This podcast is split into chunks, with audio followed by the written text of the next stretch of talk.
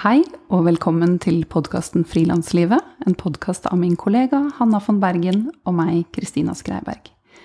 Vårt mål med denne podkasten er å være en faglig og inspirerende kanal for alle dere som jobber for dere selv i medie-, kunst- og kulturbransjen. Ukens annonsør er regnskapsprogrammet Fiken. Hanna og jeg, vi har brukt fiken i mange år. Og du, Hanna, hvorfor bruker du fiken? Jeg bruker fiken eh, fordi det er utrolig intuitivt og brukervennlig. Fiken gjør det lett å føre regnskapet selv, som ellers kan oppleves ganske så vanskelig. I fiken så kan jeg nemlig sende fakturaer, ta bilde av kvitteringer med fiken-appen, jeg kan levere moms og næringsoppgaven, og jeg kan gjøre alt fra samme sted.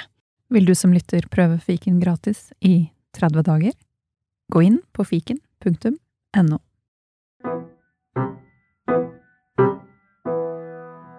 Dagens gjest er psykolog, forfatter og lederutvikler Karina Karl. Jeg er på besøk hjemme hos henne, og i dag skal vi snakke om selvledelse. Det er et tema både Hanna og jeg er veldig interessert i, og som vi hele tiden utforsker. For det er jo så viktig for alle, og også for alle vi som driver for oss selv. Jeg gleder meg til å snakke med Karina om hvordan organisere arbeidsdagen og uken om hvorfor det er så viktig å ha det bra, og hva det betyr for arbeidet vårt. Om å hvile og hente energi, og om psykologisk trygghet, altså å ha det bra med de du jobber sammen med. Dette er Karina ekspert på. Hun holder masterclasses, kurs og foredrag, og har skrevet bøker om nettopp selvledelse. Karina har gjestet Frilanslivet før, i episode 107, om å takle maktesløshet og bekymring. Og den samtalen vil jeg beskrive som en god, varm, omsorgsfull klem. Og nå er jeg her igjen. Tusen takk for at jeg får komme, Karina. Tusen takk for invitasjonen igjen, Kristina. Jeg vil gjerne begynne med å be deg forklare hva selvledelse er. Jeg blir nesten nysgjerrig på å spørre deg tilbake hva du opplever eller oppfatter som selvledelse. Ja, altså jeg er veldig nysgjerrig på hele tiden hvordan jeg kan Hvordan jeg har det best med jobben min. Og hva slags eh, form som passer best for meg. Og jeg føler meg jo veldig heldig som eh, Fordi nettopp som eh, frilanser, og når jeg driver for meg selv, så kan jeg eh, prege det til en ganske stor grad. Og ja, hva tenker jeg at det er? en måte å finne ut hvordan jeg kan være en god leder for meg selv, kanskje? Jeg tenker at det er mange ulike definisjoner på hva det kan være. Eh, men jeg tror at det er noen virksomme faktorer som, som er en del av det begrepet. Eh, du, du nevner nysgjerrighet. Det tror jeg er viktig. Fordi at vi er i kontinuerlig utvikling som mennesker. Eh, og en genuin nysgjerrighet åpner for eh, nye innsikter. Eh, det åpner for positiv endring, eller justering, hvis det trengs. Det åpner for veldig mye av det som innebærer vekst. Og det også være tilpasningsdyktig og fleksibel. Og så nevner jeg også da ordet innsikt. Og det tror jeg er sentralt. Å ha en viss grad av forståelse for hvordan en selv virker. Styrker, kompetanser, egenskaper, men også utviklingspotensialer. Og hvordan bruke og forvalte den innsikten på en måte som gagner deg. Og alt det her, nå har jeg bare lyst til å hoppe inn i alt du sier, men det skal vi ta utover i samtalen. Men jeg har lyst til å bare begynne med, siden dette her er ditt felt, så blir jeg så nysgjerrig på hvordan du selv jobber med selvledelse. Eh, for jeg ser jo, du driver jo også for deg selv og med mange prosjekter eh, som du sjonglerer. Hvordan utforsker du dette selv? Hvordan du jobber best? Litt for mange prosjekter, og litt for mye forskjellig, kanskje tidvis. Um, og der kommer både nysgjerrigheten og innsikten også inn. Jeg tror at noe av det konkrete handler om å sette av tid til refleksjon. Så jeg har tid til å legge merke til hvordan ulike prosjekter eller faser, um, justeringer, virker på meg. Uh, for å legge merke til hva jeg trenger mer av. Um, hva jeg må ta bort eventuelt. Det tror jeg er konkret. Um, og så er jeg veldig bevisst om hvordan jeg forvalter tiden min. At jeg sørger for å ha eh, Sette av tid til det som er viktigst. Og gjerne gjøre det først. Ha tid til pauser. Ha tid til det som gjør at jeg henter meg inn, løfter energien, men også eh, får hvile. Og det trenger ikke å være motsetninger. Um, det kan både være fysisk aktivitet, det kan være natur, det kan være å kunne sove eller um, gjøre ingenting. Men alle mulige aktiviteter som på en eller annen måte har en sånn oppløftende eller ladende effekt. Gode mennesker, nære relasjoner, og også ha tid nok til det som ikke kan planlegges for, for å så kunne omfavne livet. Og bare der, i møte med alle de ulike faktorene, så er man jo Jeg kan si jeg i hvert fall opplever å være um, Å balansere kontinuerlig. Så det er en kontinuerlig bevissthet. Og så spiller dagsform inn. Og så spiller det uforutsette inn. Og så er det egentlig om å gjøre å, tror jeg, å ha, en holdning om at det som skjer meg, det skjer for meg, og ikke mot meg. Og at det er opp til meg å bruke det som en innsikt, en gave, eh, heller enn noe som blir noe negativt med et negativt fortegn.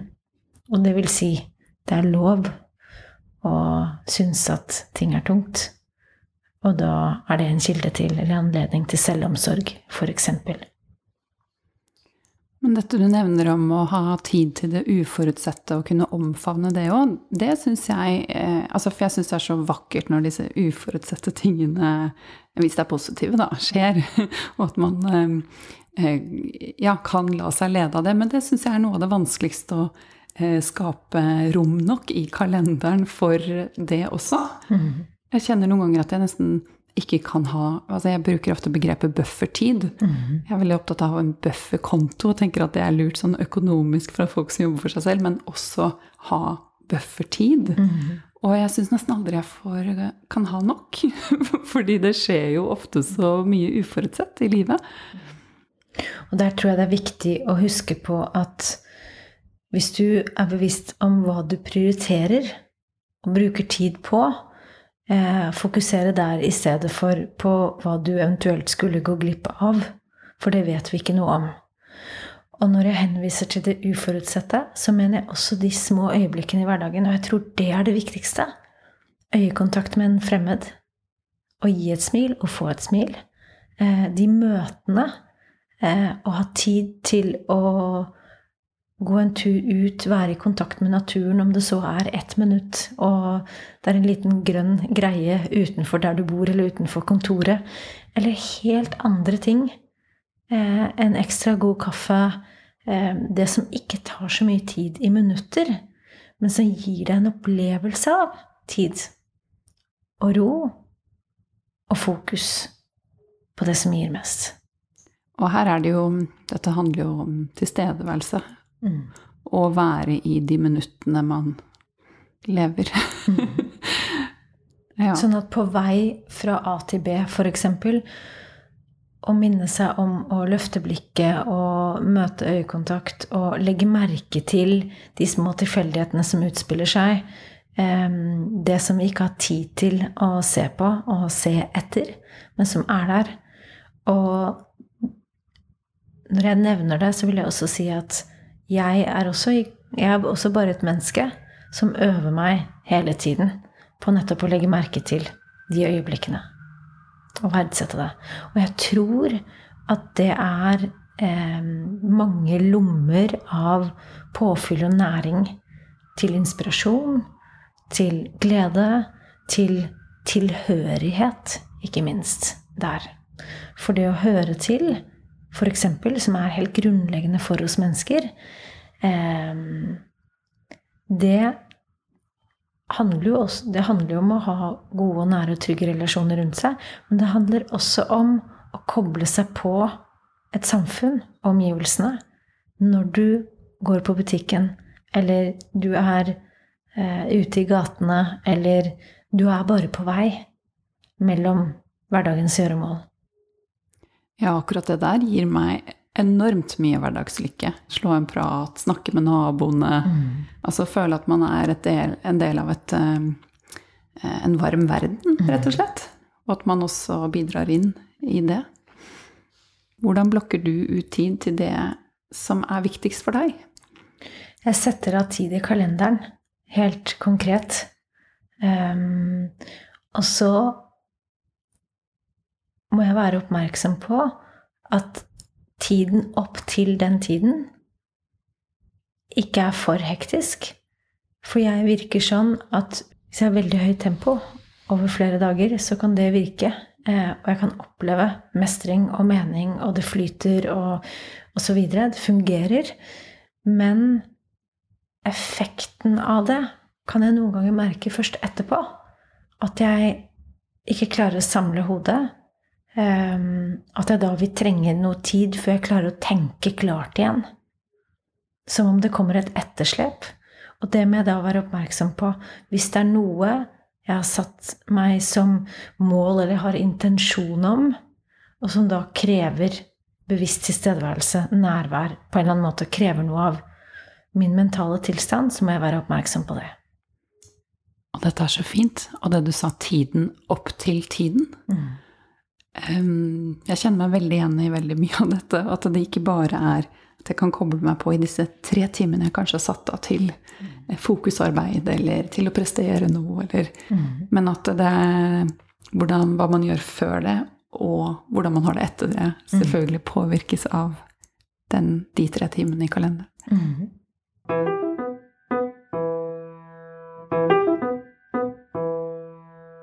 Visse faser har jeg behov for å koble meg på verden. Um, og være ute og um, møte mennesker. Og andre faser så er det mer um, nødvendig for meg å trekke meg litt tilbake og skru litt ned for de kontaktpunktene. Uh, sånn at det endrer seg. Og jeg tror nok at jeg, at jeg virker litt i faser også. Og da i kombinasjon med hva slags type oppdrag jeg også har. Eh, I hvor stor grad jeg har oppdrag som krever fordypelsestid.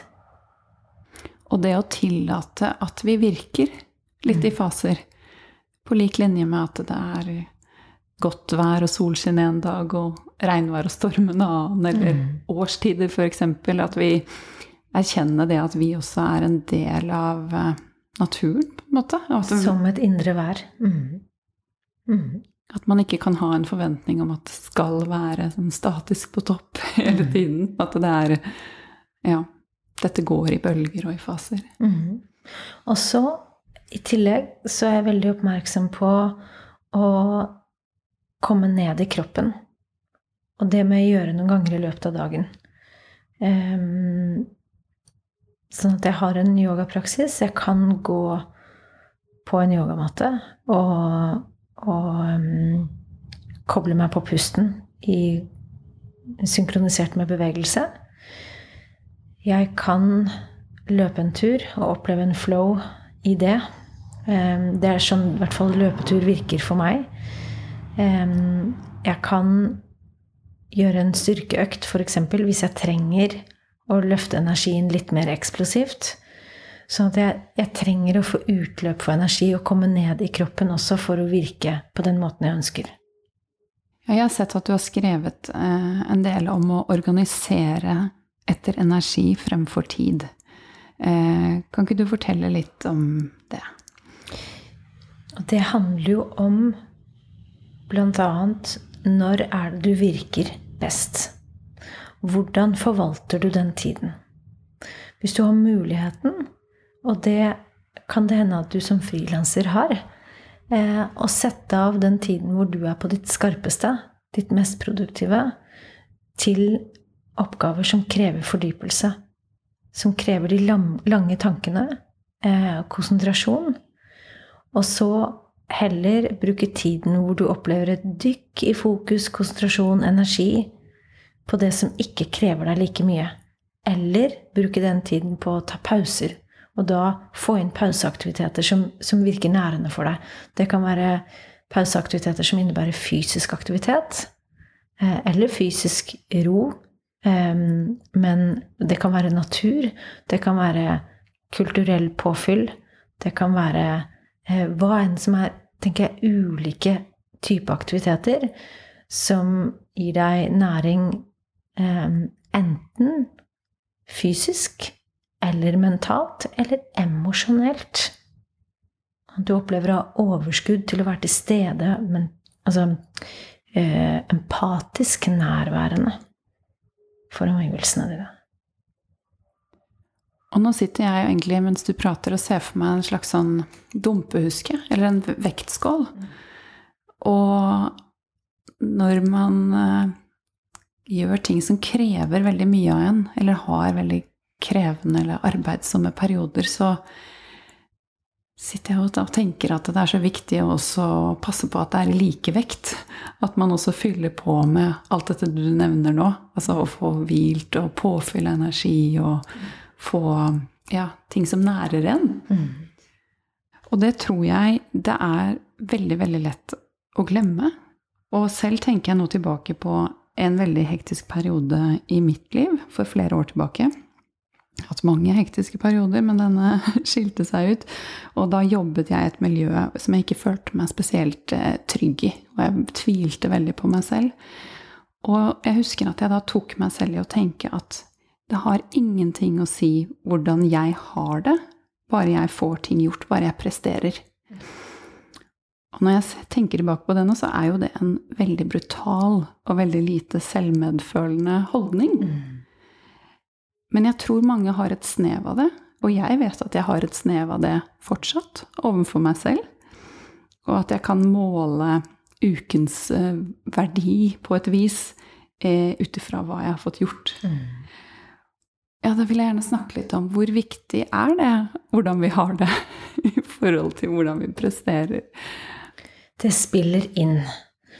Og så vil jeg også legge til at noen hevder også at de presterer bedre når de ikke har det så bra. Jeg har jobbet med noen kunstnere som eh, beskriver en frykt for å gi slipp på det tunge, eller det som belaster.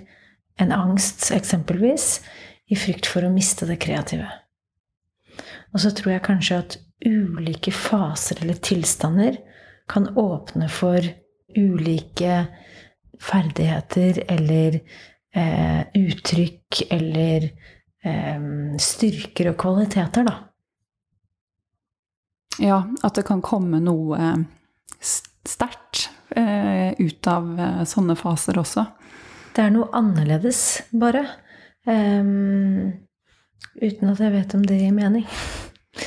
Men, men uh, men jeg tenker også på eh, når man eh, kanskje over lang tid, fremfor at det er livshendelser som skjer, mm. men over lang tid eh, pusher, seg, pusher, seg, selv så hardt at man ikke lenger helt eh, nyter prosessen, eller, eller, har det så bra i arbeidet sitt.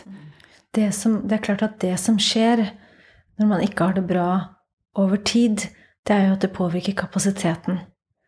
Hjernen eksempelvis.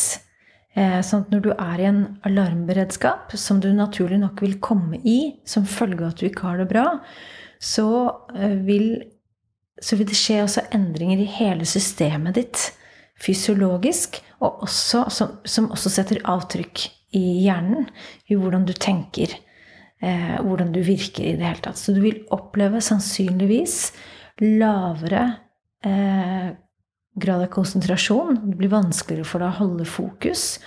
Det blir mer utfordrende å ta til deg ny informasjon. Evnen til å treffe beslutninger påvirkes. og i det hele tatt å ha kapasitet til å jobbe til å yte, til å fordype seg. Så hele arbeidsredskapet ditt, din, din hjerne, påvirkes av å være overbelastet over tid. Som jo det å ikke ha det bra kan overføres til. Ja, og denne holdningen til seg selv, hvis man er veldig lite selvmedfølende, det er jo en veldig kortsiktig holdning. det er ikke bærekraftig. Og hjernen din klarer ikke å skille mellom det du sier til deg selv, og det andre mennesker sier til deg. Sånn at hvis du er selvkritisk eller streng med deg selv, så er det akkurat som om det var noen andre som formidlet det til deg. Og det kan noen ganger gi et verdifullt perspektiv.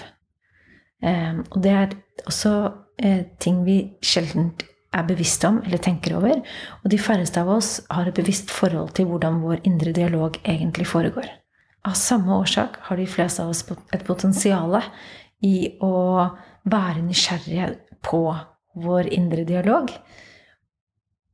Og hvordan ville det vært for deg hvis du var din egen største investor? Hvis du kunne endre den måten du snakker til deg selv? Hva betyr det for deg når du får støtte, heiarop, i betydningen noen tror på deg, noen ser deg, dine kvaliteter, har tillit til deg, hvordan føles det? Forestill deg at du kan bli den også for deg selv.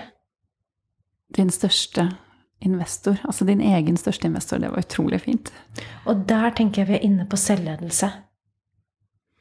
Vi er fra naturens side flokkdyr vi trenger å høre til. I det så ligger også eh, at vi må sørge for å ha en plass i den gruppen. Det er en liten grad av blikk på seg selv. Det er konstruktivt. Men det kan ta overhånd. Og forskning viser jo at vi er vesentlig mer kritiske til oss selv enn det andre mennesker er til oss. Sånn at det betyr også at de aller fleste har et potensial i å eh, være rausere i møte med oss selv. Og det har en effekt. Og det er helt sentralt for selvledelse. Men det krever også mot.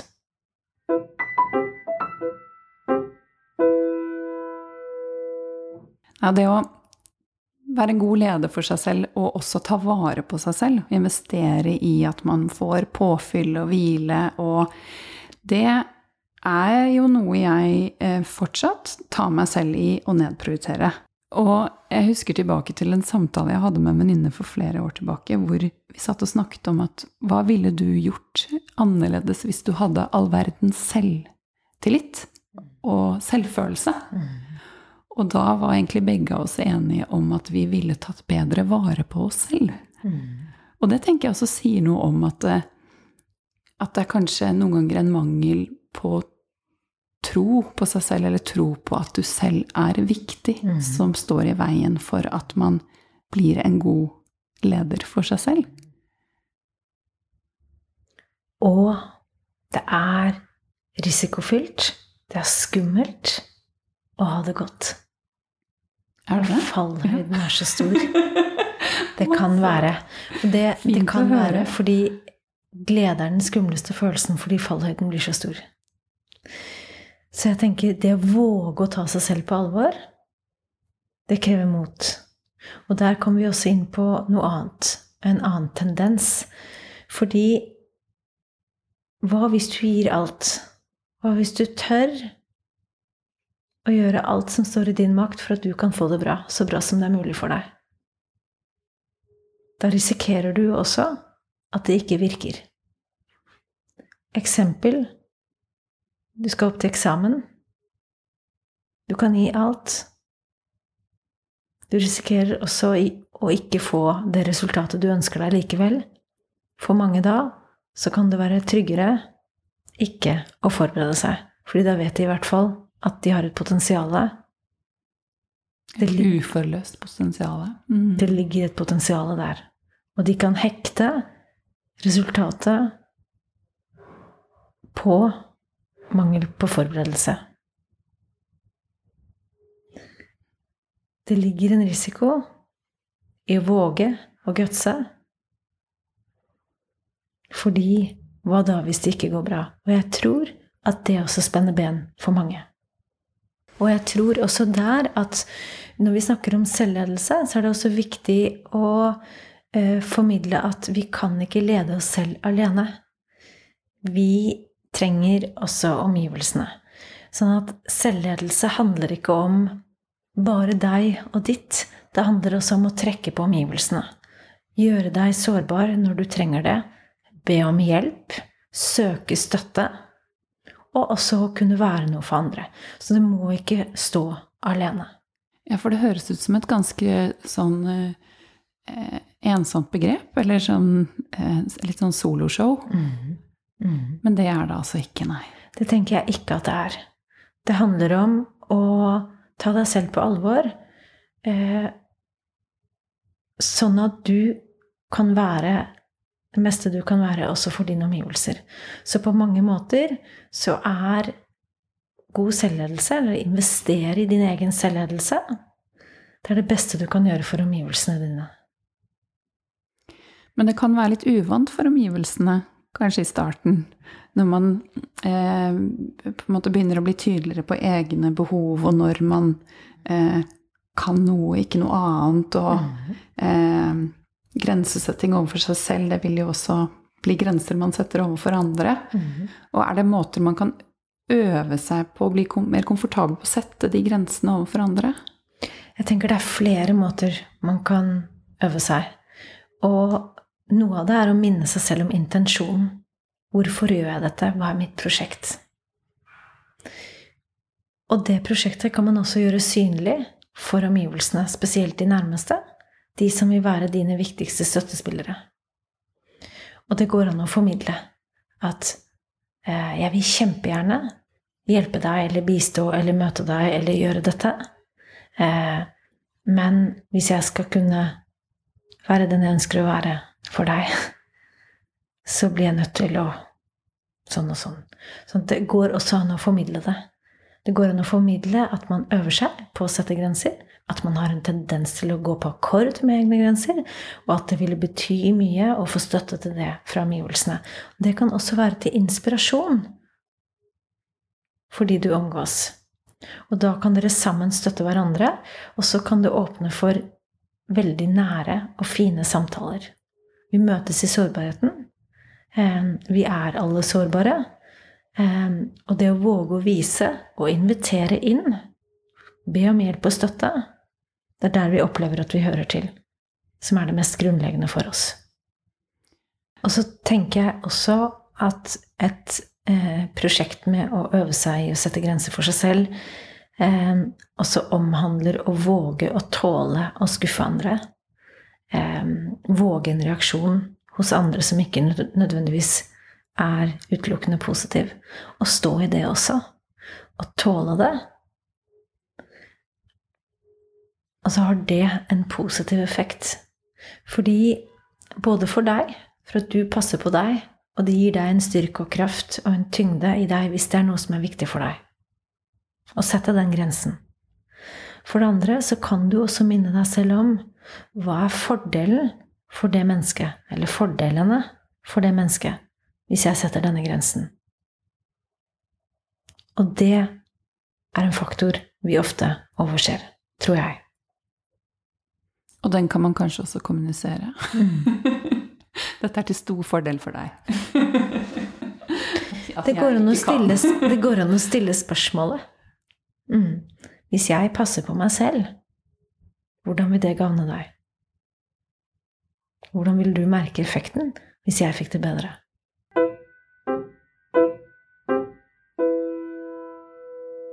Selvledelse handler også om helt grunnleggende søvn, næring kostholdsrutiner. Det handler om fysisk aktivitet, komme ned i kroppen. Det handler om relasjoner. Dine viktigste nære. Og det handler om, tenker jeg også, å sette av tid til lek, til inspirasjon. Til alle de fasettene du ønsker deg i livet ditt.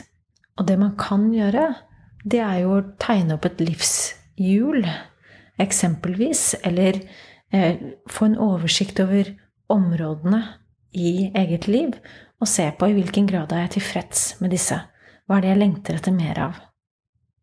Og hvordan vil jeg kunne få til mer av det? Hva er det viktigste for meg nå? Hva kan jeg teste ut? Hva vil øke min tilfredshet på dette området bare noen få prosentdeler? Og da prøve å gjøre det konkret, og gjerne overførbart av en kalender. Hvis det er noe du kan sette av tid til, sette fokus på. Det er ikke alt som krever en konkret handling, men kanskje bare en bevissthet. En intensjon. Og så tror jeg det er viktig å være oppmerksom på hvis man setter seg mål. Eh, for noen så kan det begrepet mål også trigge fokus på prestasjon. Men heller eh, fokusere på lyst. Og fokusere på hva du ønsker deg. Det i seg selv representerer et mål. Du kan bruke begreper som intensjon, så det ikke blir så strengt, og det ikke blir noe du kan feile på. Og jeg tenker også at det er ikke alt som er målbart sånn helt konkret, men kanskje vil du merke effekten.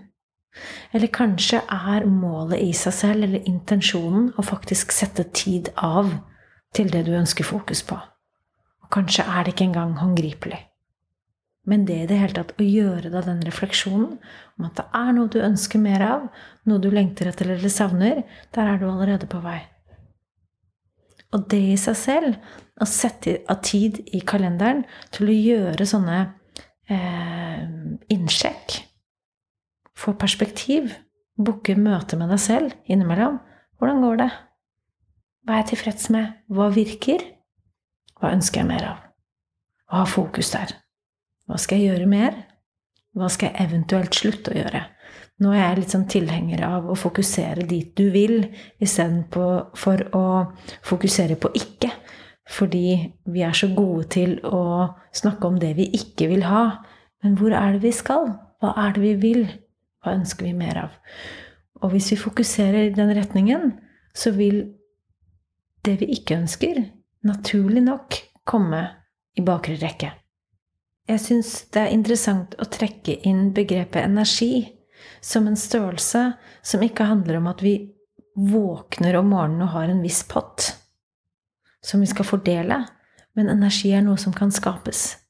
Og i det øyeblikket vi lever eh, i tråd med våre verdier, det som gir oss, det som gir mening, det som nærer, så vil vi ha veldig mye mer overskudd, energi og kapasitet. Og da er det ikke sikkert at vi trenger å være så bevisste om hvordan vi forvalter kalenderen vår heller, i samme grad. Sånn at i overgangsfaser så kan det være viktig. Hvis du er en som trenger struktur, eller som hviler godt i et sånn type system som struktur kan åpne for, fokuser på det. I perioder hvor du har veldig mye å gjøre, planlegg. Legg ekstra trykk på dette med god struktur og planlegging, og sett av tid til å få overblikk. Hvis det ikke virker positivt for deg, hvis du ikke opplever at du trenger det på den måten, eller du ikke har så mye å gjøre, så kan det hende at det er takknemlig å la det få lov til å flyte litt naturlig. Men der tenker jeg man også kan prøve seg frem, og ikke slutte å være nysgjerrig. Men hele tiden være i utvikling eh, og være oppmerksom på hvordan virker dette? Og da kan man implementere noen tiltak, gjøre noen justeringer eller endringer i kalenderen. Og så kan man sette av tid, booke et møte med seg selv eh, på et eller annet tidspunkt. En uke eller to eller tre etter. Og se hvordan virker det. Så slipper man å gå og kverne på det og sjekke inn med det hele tiden. Forskning peker i retning av at det som virker best for oss, det er fokustid, konsentrert arbeidstid, i ca. 45 minutter, pluss-minus. Oppmerksomhetsspennvidden har en varighet et sted mellom 25 til 45 minutter ca. Og eh, med ca. et kvarters pause. Altså, sånn at det å ta pauser også eh, tenker jeg ikke må forveksles med avbrytelser. Eh, eller med å eh, miste flyten, eller, men heller ses på som næring. Ses på som positive brudd. Ses på som, eh, som potensiell inspirasjon. Og en nødvendighet. Ja. Forskning viser også at de som setter av to til tre økter ukentlig, eh, med en varighet på 90-120 minutter, til fordypelse, gjerne uavbrutt, de reduserer risiko for stress signifikant. Er det sant? Wow, Så det kan, være, ja, det kan være sånne konkrete knagger eh, å hekte på. Vi er så på, og vi trenger å være på for å virke, for å koble oss på verden, omgivelsene osv. Men for å kunne være på, så må vi også kunne være av. Og eh, heldigvis så har vi apper for det også. Eh, men det å sette av den tiden og våge å koble seg av, og våge å gjøre dypdykk, og våge å gjøre seg utilgjengelig For her snakker vi at man sitter og jobber med et eller annet, og aller helst ikke svarer eller sjekker eller strekker armen etter telefonen sin for å sjekke et eller annet på sosiale medier. Og i det så trener du faktisk også hjernen din til fordypelse, dyp konsentrasjon, som er mangelvare i vår tid. Så at Dette ble hjernen, inspirert av. hjernen vår blir som vi bruker den. Den er formbar. Og det er også en vesentlig del av- av selvledelse. Å vite hvordan hjernen helt grunnleggende fungerer, sånn at du kan navigere i henhold til den. Og stimulere den effekten og virkningen som du ønsker deg. Så hvis du ønsker å bli bedre på å jobbe med fordypelse, og gjøre dypdykk, sette av den tiden, og se på oppmerksomheten din som et lite barn som du kan lære å gå. Så du hele tiden støtter og guider fokus tilbake til der den skal være. Og så vil du med tiden se og legge merke til at det blir lettere og lettere for deg å styre oppmerksomheten din bevisst. Du får en økt metakognitiv innsikt. Det vil si innsikt og forståelse for hvor ditt fokus er. Og du evner å se nå er jeg på vei dit. Er det det jeg skal? Nei. Ok, jeg peiler meg inn her. I starten bør man ha en del tålmodighet med dette lille barnet, kanskje. Det eh, kan lønne seg. Og så finnes det også helt konkrete måter å øve det på. Mindfulness-meditasjon er et eksempel. Så det å øve og trene bevisst oppmerksomhet, det kan øke evnen til å, å jobbe. Vi jobber vesentlig mer effektivt på den måten. Det er også noen av ulempene ved tilgjengelighetens tid som vi lever under. Eh, det er at vi blir ineffektive hvis vi ikke forvalter den tilgjengeligheten på en konstruktiv måte, og tar kontrollen over når vi skal være tilgjengelige, og når vi prioriterer å vie oppmerksomheten vår til noe annet. Og fokuset ditt, oppmerksomheten din, er ganske altavgjørende for hvordan du har det. Du kan til enhver tid styre den. Du kan til enhver tid velge å fokusere på det som gir, eller det som tar.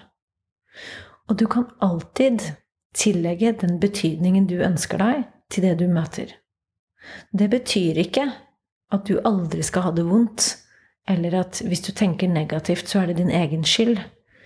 Men jeg mener at det ligger noen frihetsgrader der som vi sjelden snakker om eller er bevisste om. Og den indre friheten, den er jeg spesielt opptatt av, for den har vi. Og i det så det er også sentralt for selvledelse. Vi har en indre frihet i hvordan vi forvalter oppmerksomheten vår, i hvordan vi guider, og styrer oss selv, og også selvfølgelig tiden vår. Kapasiteten vår, energien vår, kalenderen vår.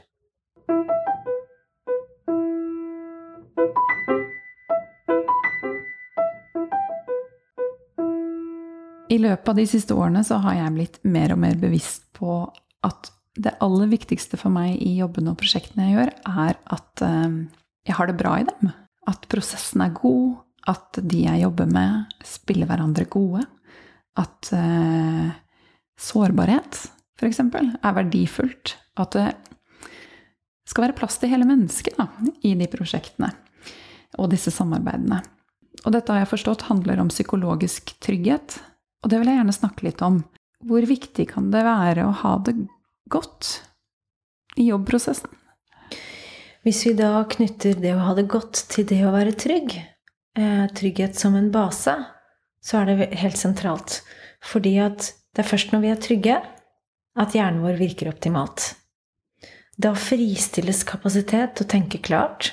Vi får økt tankespennvidde, evnen vår til å ta til oss ny informasjon, lære, treffe gode beslutninger, være fleksible, kreative, skjer først når vi er trygge. Og vi kan være trygge i oss selv. Vi kan være trygge i å være Altså, vi kan bli trygge i kraft av å være vår egen investor. Snakke pent til oss selv. Eh, og guide oss selv på en konstruktiv måte i, i kraft av hvordan vi forvalter energien vår, tiden vår, eh, kalenderen vår. Vi trenger også andre mennesker for å være trygge. Sånn at å skape eh, et miljø, både for seg selv, men også i samspill med andre mennesker, hvor vi tør å si hva vi mener, hvor vi eh, tør å si oss uenige, hvor vi tør å prøve for å risikere å feile uten å være engstelig for at vi skal miste eh, en plass i gruppen, miste eh, posisjon eller ansikt, men hvor heller det å lene seg frem og engasjere seg har et positivt fortegn, og det å feile er ansett som den viktigste kilden til læring. Ja, Hanna og jeg vi hadde nylig et møte med en potensiell samarbeidspartner hvor vedkommende viste seg veldig sårbar. Og var veldig ærlig om områdene vedkommende følte at hun ikke strakk til. Og etter det møtet så satt vi og tenkte at å, vi skulle ønske alle samarbeid funket på denne måten her. At vi syntes det var så eh, sterkt og vakkert og kraftfullt. Og at vi nesten fikk mer respekt for vedkommende. Og det er også noe som har inspirert oss veldig, eh, både den hendelsen, men også noe vi har blitt veldig bevisst på eh, i løpet av de siste årene. Å tørre å være mer transparente i møte med eh, folk man jobber med, eller samarbeidspartnere, eller mm. Og det tenker jeg også kan inspirere andre til eh, å tørre det samme, som skaper denne tryggheten, da. Ikke sant? Og da kan man jo også reflektere over for seg selv hva skal til for at jeg er trygg? Hva gjør jeg for å legge til rette for trygghet i meg? Hvordan snakker jeg til meg selv? Hvordan bruker jeg tiden min, kapasiteten min? Hvem investerer jeg i? Hvilke mennesker gjør meg trygge? Hva trenger jeg fra omgivelsene for å føle meg trygg? Og da også formidle det, spørre om det. Eh, det går an. Det går an å snakke om det som et tema, både i private relasjoner, men også i arbeidssammenheng. Snakk om det. Ja. Og for ledere er det helt sentralt å vite noe om hvordan de kan trygge sine medarbeidere og ansatte. Ja, hvis alle blir mer kreative og ressurssterke og ja. Det er, det selve grunnlaget, det er selve grunnlaget for bunnlinje. For Å være et medmenneske. Ja. Nydelig. Derfor er ledelse psykologi. Og selvledelse også psykologi.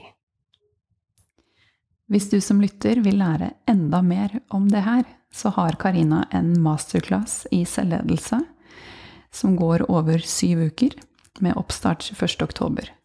Mer om det på karinakarl.no. Tusen, tusen takk, Karina, for at jeg fikk lov til å komme i dette rommet ditt hjemme hos deg igjen. Jeg finner så roen her. Tusen takk for at du kom, og velkommen igjen, Kristina. Tusen takk. Ha det godt.